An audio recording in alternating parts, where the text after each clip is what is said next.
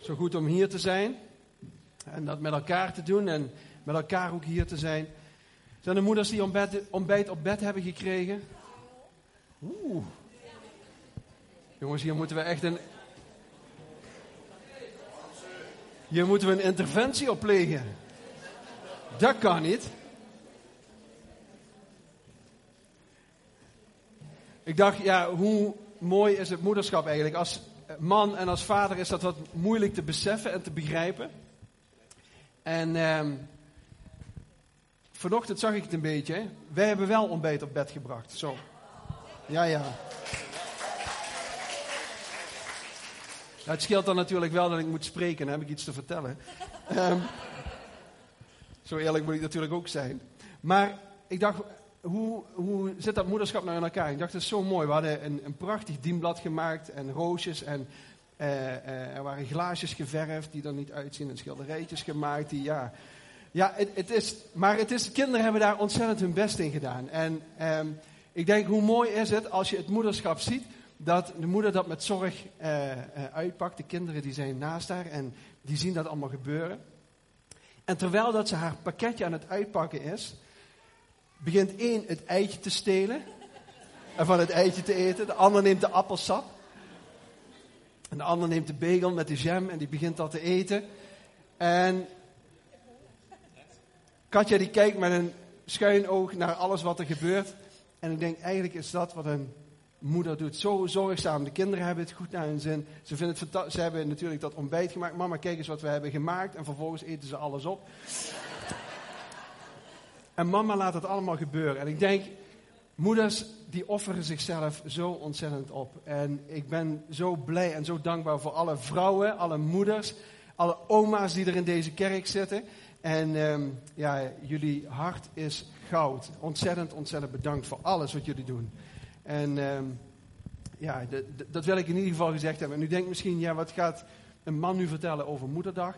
Um, ik ga mijn best doen. En ik, ik zal zo uh, uh, ook Katja naar voren vragen en zij zal uh, ook iets delen met jullie. En ik weet zeker dat dat je ontzettend gaat bemoedigen. Dus zulke mooie dingen gekregen van de Heer. En ik denk dat het je als vrouw en als moeder, maar ook als man echt gaat bemoedigen. Goed, ik dacht misschien is het leuk om een beetje ontspannen te beginnen. zoals met dat ontbijtje. Maar ik heb een paar leuke feitjes over moeders.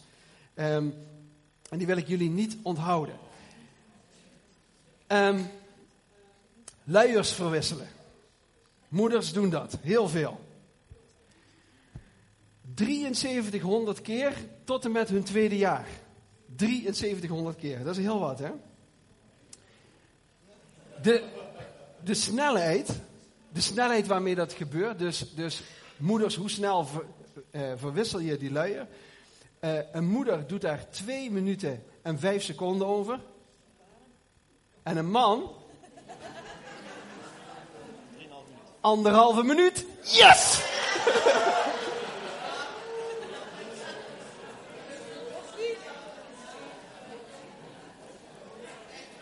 en weet u, de reactie, de reactie die u nu heeft, die had ik ook in het begin. Maar daarna dacht ik, die moeder die geeft veel meer persoonlijke aandacht aan die kleine. Voor mij is dat gewoon functioneel. Hup, plaats, klats, start, schak, strik eromheen en weg.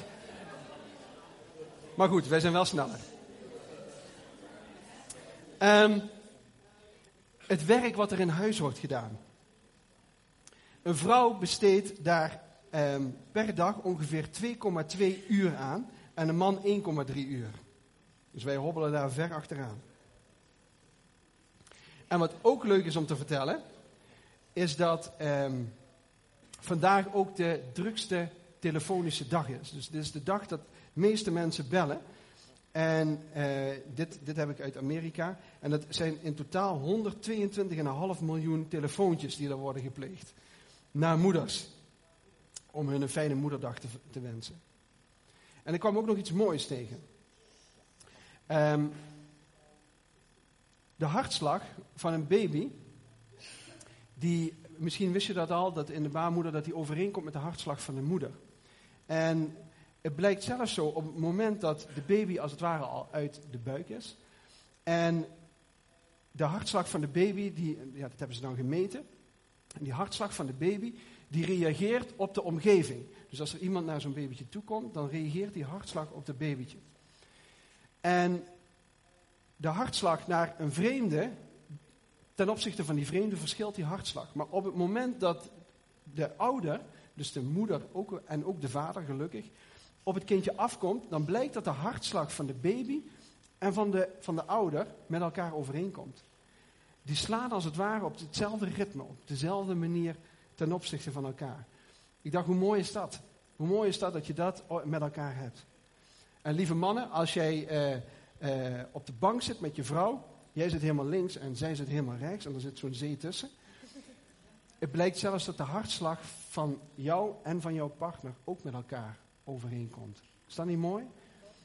Dus blijkbaar vinden we elkaar zelfs in de hartslag. Goed. Dat was een cadeautje.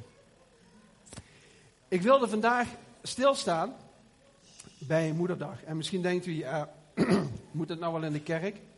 Ik denk wel dat het goed is om te doen in de kerk. Want als we de Bijbel doorbladeren, dan overal waar dat we lezen, komen moeders naar voren. Moeders die vreugde hebben, moeders die verdriet kennen, moeders die worden afgewezen, moeders die worden eh, bij elkaar geroepen. En vergeet niet, wij allemaal zitten hier omdat we een moeder hebben. Wij allemaal zijn hier ter wereld gekomen omdat we een moeder hebben of hebben gehad. Ehm, en daarom is het zo belangrijk om moeders en vrouwen in die zin ook te eren daarvoor. Um, en God zelf besloot om zichzelf, ik zal maar zeggen, lichamelijk te openbaren aan ons, fysiek te openbaren aan ons. Hij was er niet in één keer. Het kwam niet door een man, maar het kwam door een vrouw. Moeder Maria, die, die bracht Jezus als het ware voort. En wij leven natuurlijk hier in deze regio, in een gebied waar dat er heel veel devotie is, aanbidding voor Maria. Maar ik denk dat, dat, dat ja, gepaste dankbaarheid ontzettend belangrijk is voor de moeders die er in de Bijbel beschreven staat. En zo ook Maria. Al die moeders kenden hun uitdagingen. En ook zoals jij hier zit, als moeder of als vrouw zijnde, heb jij ook je uitdagingen gekend en meegemaakt. Sommigen hebben misschien geen kind kunnen krijgen en weten niet hoe dat het is om moeder te zijn, maar zijn moeder voor hun omgeving. Sommigen zijn misschien nog tante. Anderen die zijn in verwachting en weten dat er een babytje aan, aan zit te komen, maar zijn toch al moeder. Sommigen hebben al hele grote kinderen. Sommigen hebben kinderen waar zorgen en bij problemen zijn. En toch is je hart misschien nu, uh, of ben je nu fysiek hier, maar is je hart bij een van jouw kinderen. En zo kan het voor een moeder op zoveel verschillende gebieden gebeuren. En daarom hebben Katja en ik een verhaal uit de Bijbel genomen, wat spreekt over een moeder en wat spreekt over een dochter. Die met elkaar optrekken en die met elkaar wandelen.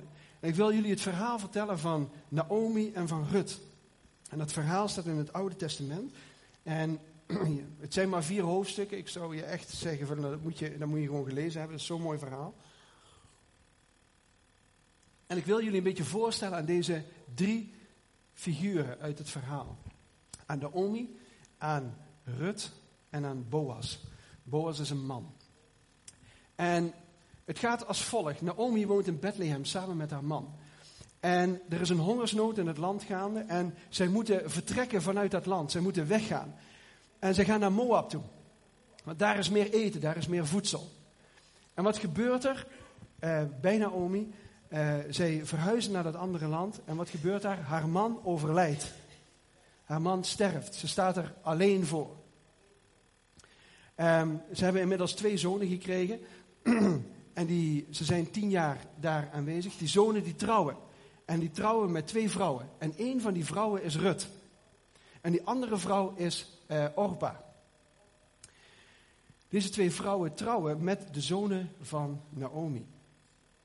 Wat gebeurt er na tien jaar? Allebei de zonen van Naomi sterven. En dus ook de mannen van Orpa en van Rut.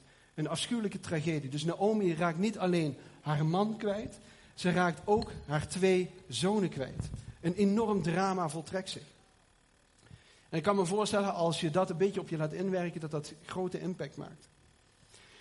En Naomi die zegt tegen Rut en tegen Orpa, lieve meiden, nu moeten jullie goed naar mij luisteren. Ze noemt ze haar dochters. Ze zegt, lieve dochters, jullie moeten goed naar mij luisteren. Ik heb niks meer wat ik jullie kan bieden. Ik kan niet in jullie onderhoud voorzien. Het is beter dat jullie teruggaan naar je familie, dat je vrij bent en dat daar voor je gezorgd wordt en dat je opnieuw kan trouwen en dat je daar iemand opnieuw kan ontmoeten en dat je een gezin kan gaan stichten. En Orpa en Rut die zeggen, nee, nee, dat willen we niet. We willen graag bij u blijven, Naomi. We willen graag bij jou blijven. En Naomi die gaat aandringen. Ze zegt, lieve meiden, ik vind het echt niet erg. Stel je nou voor dat ik misschien nog een man tegen zou komen. En die, ik zou met, met hem een zoon krijgen. Dan moeten jullie 18 jaar wachten of 17 jaar wachten voordat die man groot genoeg is. En dan kunnen jullie pas met hem trouwen.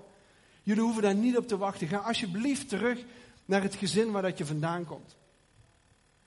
En Orpa die besluit met tranen, allebei, ze zijn, uh, ze zijn ontzettend verdrietig, besluiten ze om terug te gaan. Orpa gaat terug. Maar Rut zegt, Naomi, wat er ook gebeurt, ik blijf bij jou. Of uh, Rut zegt tegen Naomi, ik blijf bij jou. En ze zegt, jouw land wordt mijn land en uw God wordt mijn God. En Rut die offert zichzelf op, ze cijfert alles weg en ze gaat samen met Naomi terug naar Bethlehem, terug naar de streek waar dat ze vandaan komen. Ze komen Bethlehem binnen samen met z'n tweeën. En alle vrouwen in de stad die beginnen te praten. Dat doen vrouwen geloof ik wel eens. Hè? Zo. Wij mannen doen dat niet. En uh, die, die, die vrouwen komen de stad. Is dat niet, is dat niet, is dat niet, is dat niet Naomi? En ze horen het verhaal van Rut. Dat Rut haar leven opoffert voor Naomi om voor Naomi te zorgen. En zij moeten in hun levensonderhoud voorzien. En het is niet zoals tegenwoordig dat je naar het UWV toe gaat en dat je een uitkering aanvraagt. Maar zeker voor vrouwen was het in die tijd heel erg moeilijk om in hun eigen levensonderhoud te voorzien. Wat deed Rut? Rut ging het veld op. En terwijl dat er gemaaid werd, dan werden de, uh, uh, de aren werden gemaaid. Het koren werd gemaaid. En er was een wet in de, de Joodse traditie dat als er gemaaid werd, dat de, de, de aren die niet werden meegenomen, die als het ware vielen op de grond, die mochten uh, gelezen worden, noemden ze dat. Aren lezen. En dan liep je achter de maaiers aan en alles wat er viel, mocht je dan oprapen. En dat was bedoeld voor de weduwe en voor de wezen, voor de mensen die niet voor zichzelf konden zorgen. En dan haalden ze van alles op. En Rut besluit om dat te doen. S'morgens vroeg tot s avonds laat. Ze werkt kei en keihard. En ze begint dat te verzamelen. En Boas is de eigenaar van het land. En Boas ziet dat gebeuren. En hij vraagt aan de maaiers, aan zijn knechten: wat, wat doet deze vrouw? Wie is deze vrouw? Wie is deze? En ze leggen het hele verhaal uit. Wat er is gebeurd in Moab. Hoe dat zij in Bethlehem terecht is gekomen. En wat zij daar aan het doen is. Ze heeft geen inkomen, dus ze is Ara aan het lezen. En wat doet Boas? Boas die gaat voorzien voor Rut. Nog voordat, en dan geef ik het slot al weg, nog voordat ze getrouwd zijn. Hij begint al uit te delen. Hij begint al te investeren in haar. En hij zegt, weet je wat je moet doen? Laat maar expres wat vallen. Weet je, gewoon iets extra's voor haar. En zij begint te verzamelen en te verzamelen. En uiteindelijk heeft ze 30 kilo heeft ze verzameld. En gaat ze terug naar Naomi en ze zegt, Naomi, en Naomi is helemaal door het dolle heen. Deze man die zorgt zo ontzettend goed voor jou. Um, ik denk dat het goed is dat jij met hem gaat trouwen. Ik vertel het nu allemaal in sneltreinvaart, maar ik, uh, um, ik denk dat het goed is dat je met hem gaat trouwen. en vrouwen in die tijd konden niet aangeven van, nou, dat een vrouw op de knieën ging voor de man en dat ze zei, zou je met me willen trouwen? Dat ging in die tijd niet. De man was als het ware uh, bovengesteld. En de vrouw had daarin altijd een, een, een, een, een nalopende functie. En dat vind ik zo mooi, dat de Bijbel die zet vaak dingen gewoon op zijn kop. En wat, wat, wat doet Rut? Rut gaat aan het voeteneinde van Boas liggen. Boas die gaat slapen op de dorsvloer en zij houdt het in de gaten. Ze maakt zich mooi. Ze smeert zich in met geurige olie. En ze gaat daar naartoe. En dan zegt um, uh, Naomi, je moet je aan de voeten van Boas neerleggen. En terwijl dat Boas in slaap begint te vallen, sluipt Rut naar de voeten van Boas. En ze legt zich voor de voeten van Boas neer, onder zijn deken. Over verleiding gesproken. Maar dit was de enige manier waarmee Rut kon aantonen: ik zou met jou willen trouwen. En Boas wordt wakker. En hoort het hele verhaal, ziet wat er gebeurt en ziet eigenlijk wat zij wilt. En nu was het zo dat je in die tijd inderdaad voor zo'n vrouw mocht trouwen. Dus eigenlijk een heel mooi gegeven. Eén keer in de 50 jaar was er het jubeljaar in Israël. En er werden alle schulden als het ware kwijtgescholden. Maar je mocht ook aanspraak maken op de, de erfenis die je had. Alleen vrouwen konden dat niet doen. Daar moest 50 jaar overheen gaan. En als die 50 jaar daar overheen was gegaan, dan moest er een losser zijn. Een, ik zal maar zeggen, een soort bevrijder zijn. Die ervoor zorgde dat de schuld, als het ware, teniet gedaan wordt. En dat alles wat georven werd, ehm, bij die vrouw terecht kwam. En als Boas met Rut zou trouwen, zou dat kunnen gebeuren. Nou goed, zijn oudere broer die gaat eigenlijk nog voor. Nou, ze lossen dat met elkaar op. En uiteindelijk trouwt Boas met Rut. Ik vind het, het is bijna een verhaal voor een film. En zij trouwen met elkaar. En uiteindelijk krijgt Rut krijgt een zoon. En Naomi die houdt de zoon van Rut in haar armen. En ze zegt, het is mijn kind. Ze is haar twee kinderen kwijtgeraakt. Ze is haar man kwijtgeraakt.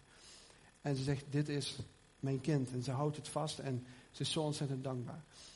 En Naomi had eerst gezegd toen haar man weg was, toen haar man verloren was, toen haar twee zoons, toen ze die kwijtraakte. Toen zei, uh, uh, toen zei uh, Naomi, noem mij maar geen Naomi meer, maar noem mij Mara.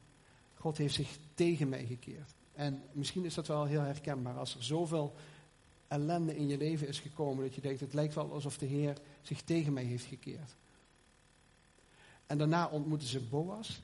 En dan zegt Naomi, de Heer heeft ons gezegend. Hij heeft ons geholpen. Hij is ons nabij geweest. En op het moment dat ze dat babytje in haar handen houdt, dan weet ze dat alles ten goede is gekomen. En daarom zou je kunnen zeggen dat Naomi niet alleen, uh, zij was een moeder voor haar omgeving. Niet alleen voor die twee vrouwen, maar ze was voor iedereen daaromheen was zij een moeder voor haar omgeving. Rut, die laat trouw zien in alles. Zij had weg kunnen gaan, ze had allerlei dingen kunnen doen, maar ze, ze ging terug. En Boas werd de verlosser voor haar omgeving, want, voor zijn omgeving. Want Rut en Naomi hadden geen toekomst gehad als Boas er niet was geweest. Ik wil mijn lieve vrouw naar voren halen. En ehm, eh, ik ben heel blij dat, dat, uh, dat zij dat met mij samen wil doen. Ik heb het verhaal als het ware een beetje geïntroduceerd. En um, zij gaat jullie meenemen in. in um, ja, jullie moeten gewoon maar luisteren, toch? Ja, nou, Moet ik weg? Ja. Okay. Kusje? Nee. Oh.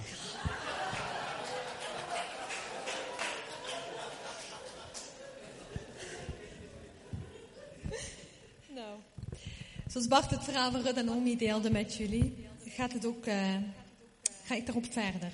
Het verhaal van Rut, Naomi en Boas gaat over jou en mij. Maar ook over Gods trouw aan ons.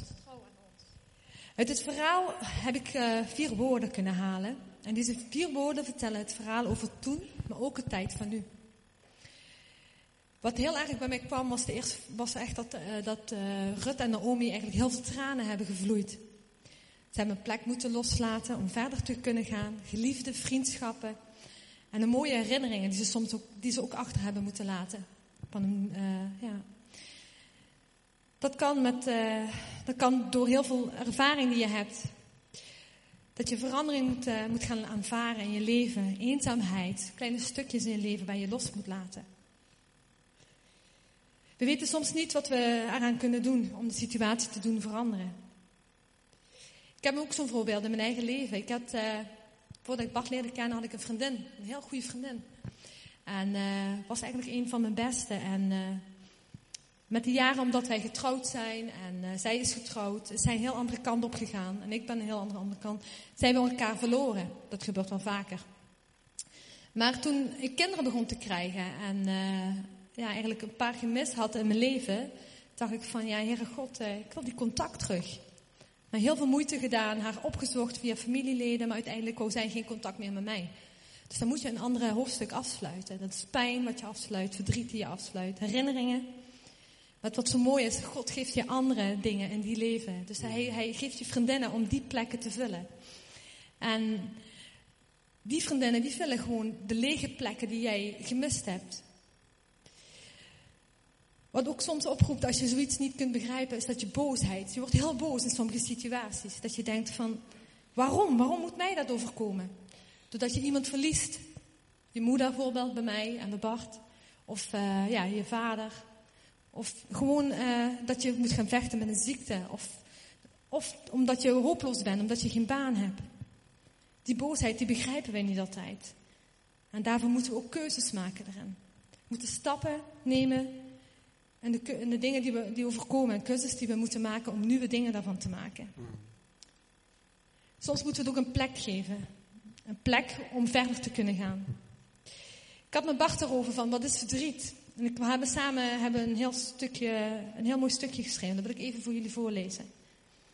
Verdriet hebben kost veel tijd. Het houdt je bezig, al je energie. Je denkt en je, eh, je, denkt en je tranen gaan een. Oh ja, wacht even, oh, ja, het gaat goed komen. Um, verdriet hebben kost veel tijd. Het houdt je bezig. Al je energie. Je, denk, je denken en je tranen gaan in het verdriet zetten. Daardoor lijkt het soms alsof je verdriet hebt verloren. Je kent de uitdrukking wel dat je tijd niet in je handen hebt en de tijd verstrijkt. Zo kan het ook voelen met verdriet. Je hebt zoveel verdriet meegedragen dat het lijkt alsof de tijd die je daarmee bezig was verloren is gegaan. Het verhaal van Rut en Naomi laat ook de moeilijke rauwe kant van het verdriet zien. Alsof de, de opeenstapeling te veel is geworden. Waarvoor heb ik het allemaal gedaan? Waarvoor ga ik door? Met de trouw van Rut en Naomi aan elkaar maken dat het een verdriet wordt wat niet verloren gaat. Maar ze vinden samen een nieuwe toekomst. Het gezamenlijke verdriet is het verdriet wat hen uit elkaar zou trekken, maar juist aan elkaar verbindt. Naomi noemt Rut een dochter en ze is een moeder voor haar. Ze kan verdriet niet alleen verwoestend werken, maar ook met de juiste mensen om je heen kan het hele verzorgen en troosten. Dit is het tweede stuk is vasthoudend. Je mag je gaan vasthouden in wat je wilt bereiken. Je mag gaan uitstappen en loskomen van die visuele cirkel waar je iedere keer opnieuw in uitvalt. Je kan een keuze maken en je waarom-vraag opzij leggen. Want je kan toch gaan kiezen voor wat het gaat brengen. En een nieuwe weg inslaan. Je mag je gaan vasthouden aan je geloof in Jezus Christus. Omdat Hij je de kracht geeft en de vasthoudendheid geeft. Waar je iedere keer op terug kunt vallen. Een veilig gevoel voelen dat Hij bij je is. Vooruitkijken. En geloven en vertrouwen dat Hij, dat hij zelf aan je kant gaat staan. Zo kun je ook een keuze maken om wat moois en wat nieuws zelfs op te bouwen. Die keuze is om zelf het nieuwe stappen te nemen in je leven. Vooruitkijken en, en kijken naar wat komen gaat. En kijk wat in je omgeving, wat, wat in je omgeving jou te bieden geeft. De mensen om je heen, je vrienden, je familie, toekomstige man. Wat ik ook heel vaak gelezen heb, is van, er zijn heel veel vrouwen die, die, die blijven bidden. Of wat je heel vaak hoort, omdat een man niet bekeerd is. Maar wat ik geleerd heb uit deze tekst, uit deze, ding, deze bijbelstuk, is van, geef het aan God over. Hij zorgt voor je kinderen, voor je man, voor je kinderen. Hij gaat ervoor. Jij hoeft je er niet zorgen te maken, maar geef het vooral in zijn handen. Hij zorgt voor je.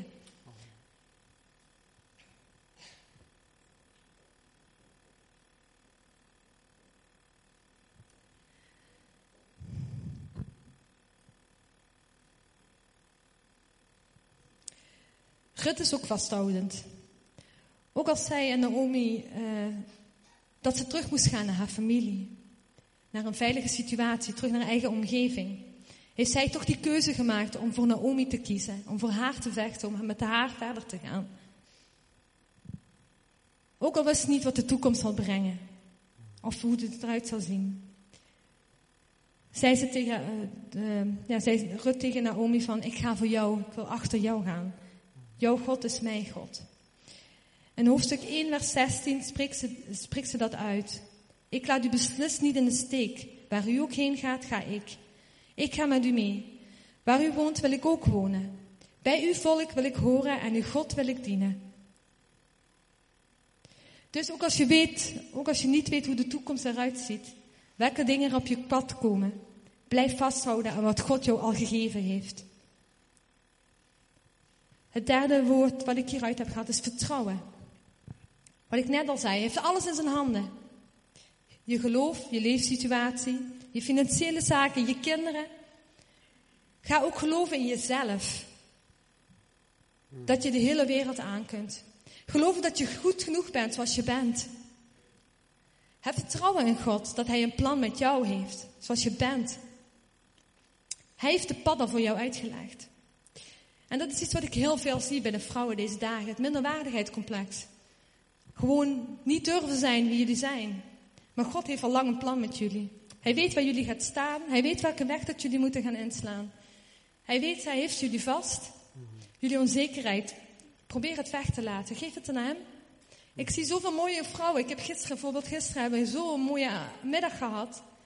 Waar alle prachtige, bijzondere dingen naar voren komen.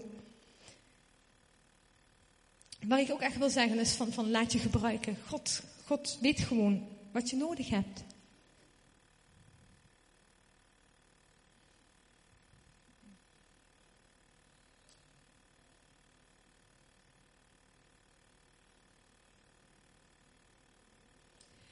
Naomi heeft ook al zoveel meegemaakt, maar toch blijft ze vertrouwen. Ze heeft niets, maar vertrouwt op God. Maar in de moeilijke tijd laat Naomi zien dat ze moeder is voor haar omgeving. Maar heb je moeite om mensen te vertrouwen? En, en heeft moeite om mensen te vertrouwen. Naomi stelt alle vertrouwen in Rut. Naomi zet zichzelf aan de kant voor Rut.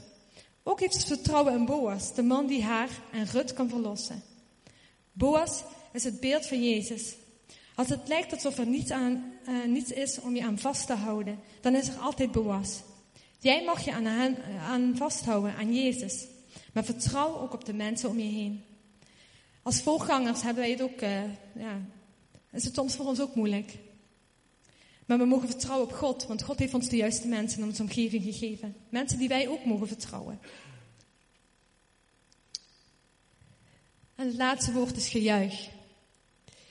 Het mooie is, door alle moeite heen wacht ook de overwinning, gelukkig. Als het gelukt is om je leven weer een nieuwe start te geven, bijvoorbeeld een nieuwe leven, een nieuwe andere plek, een nieuwe vriendschap, een nieuwe, uh, ja, een nieuwe financiële omstandigheden. Als je oude achter kunt laten en, je nieuwe, en uh, op je nieuwe toekomst kunt richten. Een nieuwe begin betekent dat je ook altijd samen met God, samen met God een nieuw begin kunt maken. Dat je weer rust in je lichaam vindt, wat je lang niet had gevoeld. En uh, ja, meer bent, niet meer gaat piekeren zoals vroeger. En de onrust je lichaam ook verlaat. En vooral als je gaat loslaten, gaat het over aan God geven. Hem alles toevertrouwen. Door te gaan zonder terug te kijken. Soms zou je moeten kunnen vertrouwen op een goede uitkomst, ook al zie je hem niet altijd. En dat zag Rut ook. Vertrouwen dat veranderingen gaan komen en dat er een groot gejuich zal plaatsvinden. Nieuwe stappen nemen en God toelaten. Leer volledig op Hem vertrouwen. En vooruitkijken naar mooie dingen die op je weg zal brengen. Met Gods hulp. God heeft jou en aan mij en ons allemaal een, unieke, iets unieks gegeven. Ik mocht het ontdekken gisteravond ook, of gistermiddag. Ik ben uh, ja, samen met een paar vrouwen Women Olie gaan opzetten. En als we zien van, van dat dat iets is wat God op mijn hart heeft gelegd. Dat God ons daardoor gebruikt. Ik wil jullie wat foto's laten zien. We hebben een super avond gehad. Ik heb een geweldig uh, commentaar gehad. En was blij om te zien dat iedereen zo kon genieten gisteren. We zaten met allerlei verschillende leeftijden bij elkaar. En iedereen deed gewoon zijn eigen ding. En het was gewoon gezellig. En je voelde gewoon God daar ook aanwezig. Iets anders mooi wat ik, heel, wat ik ook heel mooi mag doen is, uh, is bij met de kinderen van de AZC. Als je daar één keer in de maand naartoe gaat en je ziet die kindergezichtjes gewoon door spellen met hen te doen. Dat ze een glimlach krijgen van oor tot oor en dat ze tevreden zijn over de kleine dingen die je geeft. Dat zijn echt die bijzondere momenten. Dat zijn momenten die mij opbouwen. Momenten dat ik zie van, dat je op één moment denkt, waarom doe ik het? Maar je weet het gewoon als je dat ziet, waarom je het doet. Dat vind ik uh, bijzonder.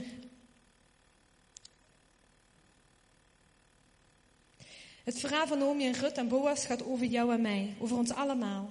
Allemaal kennen we tranen, maar je, mag je, vast, maar je mag vasthoudend zijn. Vertrouwen hebben in God en in de mensen. En uiteindelijk genieten van gejuich.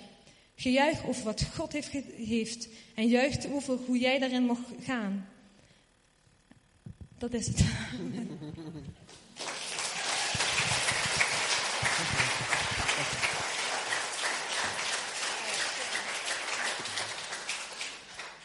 Ik wil vragen of we wat versterking krijgen hier. Um, omdat we het ook gewoon heel belangrijk vinden. Sta ik aan? Sta aan? Ja. Wat versterking krijgen hier.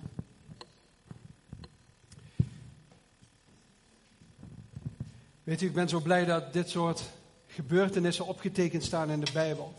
Dus um, ik denk wel het meest gelezen, verkochte en belangrijkste boek wat we als mensheid hebben. En in dat boek staan zoveel verhalen over vrouwen en over moeders opgetekend. En juist als het een cultuur is of een omgeving is in die tijd, en ook in die tijd waar dat dingen geschreven staan, waar dat vrouwen eigenlijk niet meetelden en waar vrouwen een soort tweede of derde rangs burger waren. Laat de Bijbel zien hoeveel waarde dat er zit aan de vrouw. En daarom ben ik zo ontzettend blij dat we dit soort ochtenden ook met elkaar mogen doen. En ja, waar Katja over spreekt, die vier woorden die zijn zo ontzettend waar. Daar waar je dat je tranen ervaart, daar waar verdriet is. En dat maken we allemaal mee. En ik denk dat moeders misschien wel dubbel zo hard huilen als dat vaders dat doen. want uh, er is een tijd dat je je kind in je draagt. Er is een tijd dat je je kind bij je draagt. Maar er is ook een tijd waarin dat je je kind los moet laten. Maar waar dat je hem altijd nog in je hart draagt. En ik denk tegelijkertijd ook de, ja, de dingen die daar gebeuren. De vasthoudendheid van, uh, van Rut, maar ook van Naomi. Rut die zich echt vastklampt aan Naomi. Dat, dat je ziet dat er, er zijn moeders nodig in de kerk. Er zijn moeders nodig waar dat andere vrouwen zich aan vast kunnen houden. Maar ook het vertrouwen wat tegelijkertijd Rut en Naomi hebben in Boas. Het type beeld van Jezus. Maar ook tegelijkertijd in God, maar ook in elkaar. Weet je, soms zeggen mensen wel eens, ik vind het... Uh, ja, ik kan God wel vertrouwen, maar ik kan mensen niet vertrouwen. En misschien ben je dat ook wel ergens kwijtgeraakt, hè, dat vertrouwen in mensen. Maar het verhaal van Rut en het verhaal van Naomi laat ons zien dat het wel waard is om in mensen te vertrouwen. Dat er wel mensen zijn waar dat je je vertrouwen in mag leggen. En uiteindelijk komt dat gejuich. Het gejuich, het gejuich van overwinning. Dat God alles herstelt. Dat God alles weer op zijn plek brengt. En zo is dat ook voor jou en voor mij in ons leven. Zullen we samen gaan staan?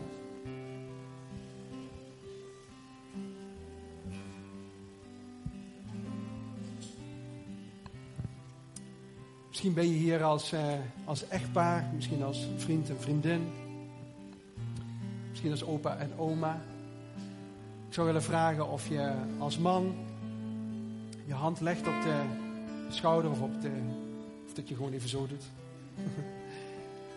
En zij die vandaag alleen zijn gekomen. Ik zou willen vragen, waarschijnlijk ben je met, je met een vriendin of met een vriend gekomen. Hou elkaars hand maar vast. Want we geloven dat het goed is om een gebed uit te spreken over jullie allemaal. Een gebed van zegen, een gebed van kracht, een gebed van nabijheid. Dat God met je meegaat. En dat Hij bij je is. Zullen je willen? Lieve Vader God, dank u wel, Heer, dat we, met, uh, ja, dat we u mogen uitnodigen vanavond, Heer God, van vanmorgen, ja. Heer God. Heere God, ik bid u voor deze vrouwen en deze moeders, voor deze oma's, tantes ja. en zoveel meer, Heere God. Heere God, ik bid u, Heer, een zegen over hun harten, Heer. Een bescherming over hun gedachten, Heer.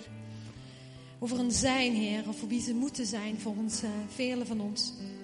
Maar Heere God, we zijn kostbaar en u zoals we zijn, Vader. En daar dank ik u voor, Vader.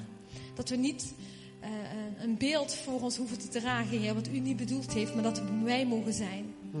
Dank u wel, Vader God, dat u van ons houdt, Heer, zoals we zijn.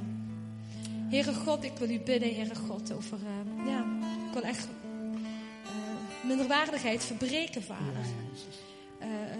Minder over onszelf denken, Heer, wil ik verbreken, Heere God.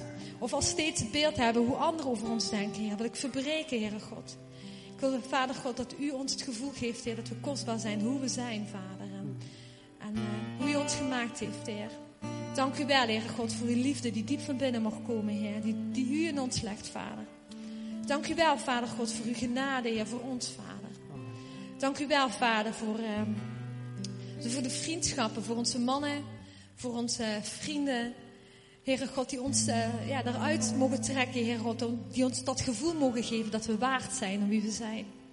Maar dank u vooral, Vader God, dat u degene bent die ons die waarde geeft. Dat wij mogen voelen hoe kostbaar dat we zijn, Heer, en u, Heer. Dank u wel, Vader God, dat we vandaag verder mogen genieten, Heer, van elkaar. Dat we verder mogen genieten van u, Vader, en van alle dingen die u ons geeft. En dan wil ik u danken, Heer. Amen.